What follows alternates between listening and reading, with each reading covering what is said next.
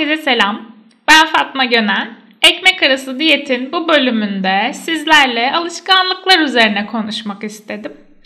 Şimdi neden alışkın olduğumuz şeyleri kolayca yapıp bizim için yeni olan bir eylemi gerçekleştirirken bu kadar zorlanıp rahatsızlık duyuyoruz? Önce buna bir açıklık getirelim istiyorum. Çünkü insan beyni enerji korunumuna sahip. Yani yeni bir bilgi girişi olduğunda ona aşina olmadığı için daha fazla enerji harcamak durumunda kalıp rahatsızlık hissi yaratıyor. İşte bu yüzden ilk bisiklete bindiğinizde ya da ilk araba kullandığınızda düşünün ne kadar zorlanırsınız, ne kadar enerji harcamış gibi hissedersiniz ve aslında bir rahatsızlık hissi duyarsınız, bir kaygı duyarsınız bir taraftan da. Ama sonraki süreçte bunları tekrarladıkça, rutinler oluştukça aslında otomatik bir şekilde bunu gerçekleştirdiğinizi fark edersiniz ve dolayısıyla aslında e, beynin harcadığı enerji de azalır ve size verdiği rahatsızlık hissi de ortadan kalkar. Yani alışkanlık oluştuktan sonra beyindeki etkinlik düzeyi azalıyor. İşte bir alışkanlık beyin tarafından otomatik hale gelecek kadar çok tekrarlanmış davranış demek aslında günün sonunda. Şimdi peki e, yeni bir alışkanlık edinmekle ilgili ya da bir alışkanlığımızı değiştirmekle ilgili neler yapabiliriz? Onları konuşalım şimdi de. Alışkanlıkları tekrarladıkça davranışı tetikleyen nöronlar arasındaki bağlantı güçleniyor. Ve bu nöral bağlantıların güçlenmesi ve gevşetilmesi işlemlerine de nöroplastisite adı veriliyor. Yani bu nöroplastisite beynin kendini iyileştirme ve yeniden yapılandırma becerisi. Aslında adapte olma yeteneği ve muhteşem bir yetenek. Özellikle nöroplastisite kavramı aslında son 15-20 yıldır hayatımızda var olan bir kavram ve nöroplastisiteyi geliştirmek için bazı önerilerde de bulunuyor uzmanlar. Örneğin sanat, meditatif çalışmalar, onun yanında yeni bir şeyler öğrenmek ve dış dünyayla ilgili aslında normalde yaptıklarımızı değiştirerek farklı yollar yapıp bunları deneyimlemek nöroplastisitemizi geliştirmemiz için yapabileceğimiz aktiviteler arasında gösteriliyor. Ve yapılan araştırmalar diyor ki aslında duygu, düşünce ve davranışlarımız değiştiğinde beynimizdeki nöronlar ve merkezi sinir sistemi de değişiyor ve bu da nöroplastisite aracılığıyla oluyor. Yani hangi davranışımızı değiştirmek ve yeni bir davranışı edinmek istiyorsak onu farkında olarak tekrarladığımızda beynimizin yapısını da değiştirebiliyoruz. Aynı zamanda seyahatler de nöroplastisite üzerine olumlu etkide bulunuyor. Şimdi buradan şunu diyebilirim aslında ben. Alışkanlık kadar değil değiştirilebilir. Bunu kim diyor? Alışkanlıkların gücünün yazarı diyor. Eğer ki okumadıysanız mutlaka bu kitabı okumanızı tavsiye ederim. Şimdi Burada yazar kendi çikolatalı kurabiye yeme alışkanlığı üzerine bakıyor ve bunu değiştirmek için ne yapabilirim diye bir yola çıkıyor. Burada alışkanlıklarla ilgili aslında söyleyebileceğimiz 3 tane ana şey var. Birincisi işaretler, bir diğeri ödül ve diğeri de rutin. Tamam mı?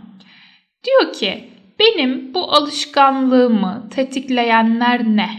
Bu alışkanlıktaki işaretler ne? Çünkü işaret davranışın otomatik olarak tetiklenmesini sağlıyor. Beynimiz işareti alınca yarış atlarının koşmaya başlaması gibi hemen o alışkanlığı uygulamak için koşmaya başlıyor aslında. Bir alışkanlık koşusu başlıyor bu işaretlerle. Burada da 5 tane şeyi sorguluyoruz biz. Günün belli bir saati birincisi. İkincisi belli bir yer. Üç bir duygusal durum. Dört başka biri.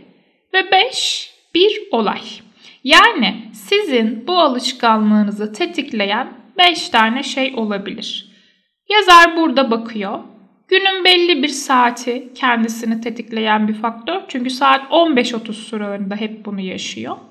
Ve diğer bir işaretin ise belli bir yer yani çalışma masası olduğunu fark ediyor. Tamam işaretler cepte. Bir diğer duruma geçelim. O da ödül. Yani benim bu alışkanlığı tekrarlamamdaki esas ödül ne? Gerçekten çikolatalı kurabiye mi? Bunu test etmek için bir yola çıkıyor ve 3 gün deneyler yapıyor kendince. Birinci gün o saatlerde yürüyüş yapmaya gidiyor. Yürüyüşünü yapıyor, geri dönüyor. İkinci gün o saatlerde kurabiye aldığı yere gidip başka bir şey alıyor, geliyor masasında onu yiyor. Üçüncü gün o saatlerde kalkıyor, kurabiye almaya gittiği yerde bir arkadaşıyla karşılaşıyor, onunla sohbet ediyor, kurabiye yemeden dönüyor. Şimdi burada yazar şunu fark ediyor.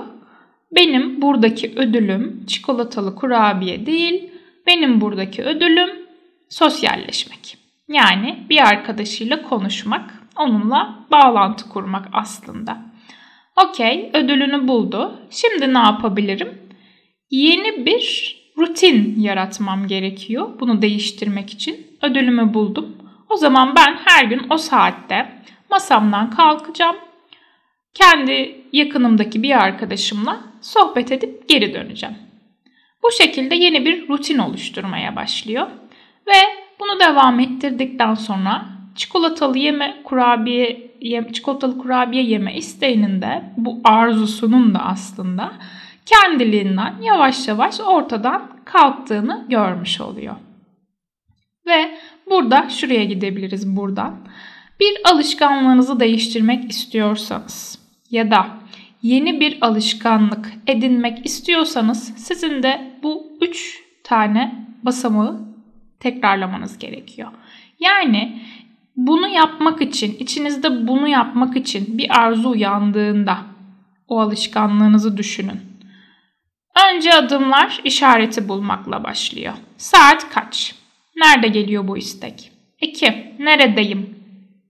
3. Etrafımda biri mi var? 4. Az önce ne yaptım? Bir olay mı yaşadım?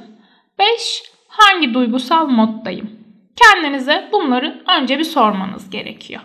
Sonra ikinci adım bu alışkanlığın bize sunduğu gerçek ödülü bulmak. Yani ben bu alışkanlığı neden gerçekleştiriyorum? Bir ödül var ki sürekli bunu tekrarlıyorum. Peki bu ödülü bulduktan sonra yerine başka bir ödül koyabilir miyim? Onu bir saptıyoruz birlikte. Sonrasında da işaretleri bulduk, ödülü bulduk ve bunu rutin halinde tekrarlama kısmına geçiyoruz. Yani belli bir süre bunu devam ettirmemiz gerekiyor. Peki bu belli bir süre ne kadar bir süre? Hani hep vardır ya 21 gün şekersiz beslenme işte 21 günlük arınma diyetleri. Bunların hepsi birer efsane. Üzgünüm. Hiçbirinin bilimsel bir dayanığı yok. Çünkü son çalışmalar şunu söylüyor. Bir alışkanlık için 18 ila 254 gün aralığında bir zaman dilimine ihtiyacımız var. Ortalama olarak 66 gün. Tamam mı? Yani bu daha az da olabilir, daha fazla da olabilir. Ve alışkanlıklar refleks gibi herhangi bir duygu barındırmıyorlar. Aynı zamanda bu alışkanlıklarda e, düşüşler ve çıkışlar da olabiliyor. Yani siz 5 gün sağlıklı besleniyorsunuz. 2 gün beslenmeyebilirsiniz. Sonraki 5 gün yeniden devam edersiniz. Bunu uzunca bir süre devam ettirme kısmı önemli. Yoksa orada bıraktığınızda zaten bunun e, oluşması gibi bir ihtimal yok. Çünkü siz yeterince bunu tekrarlamamış oluyorsunuz. Yani nöroplastisitenin gerçekleşmesi için aslında sizin bu yeni davranışınızı farkında olarak tekrarlamanız gerekiyor. Beynimizin yapısının değişmesi için.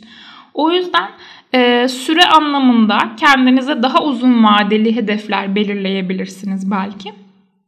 İşte bu şekilde algoritma tamamlanmış oluyor. Siz buraya istediğiniz, değiştirmek istediğiniz her şeyi koyabilirsiniz. Örneğin daha fazla su içmek istiyorum gibi ya da e, bir egzersiz rutini oluşturmak istiyorum gibi ya da işte öğleden sonra sizin de tatlı kriziniz geliyordur örneğin onu değiştirmek için yani hayatınızdaki e, değiştirmek istediğiniz her şey için bu en başta 3 tane basamağı hayatınıza adapte etmeniz gerekiyor.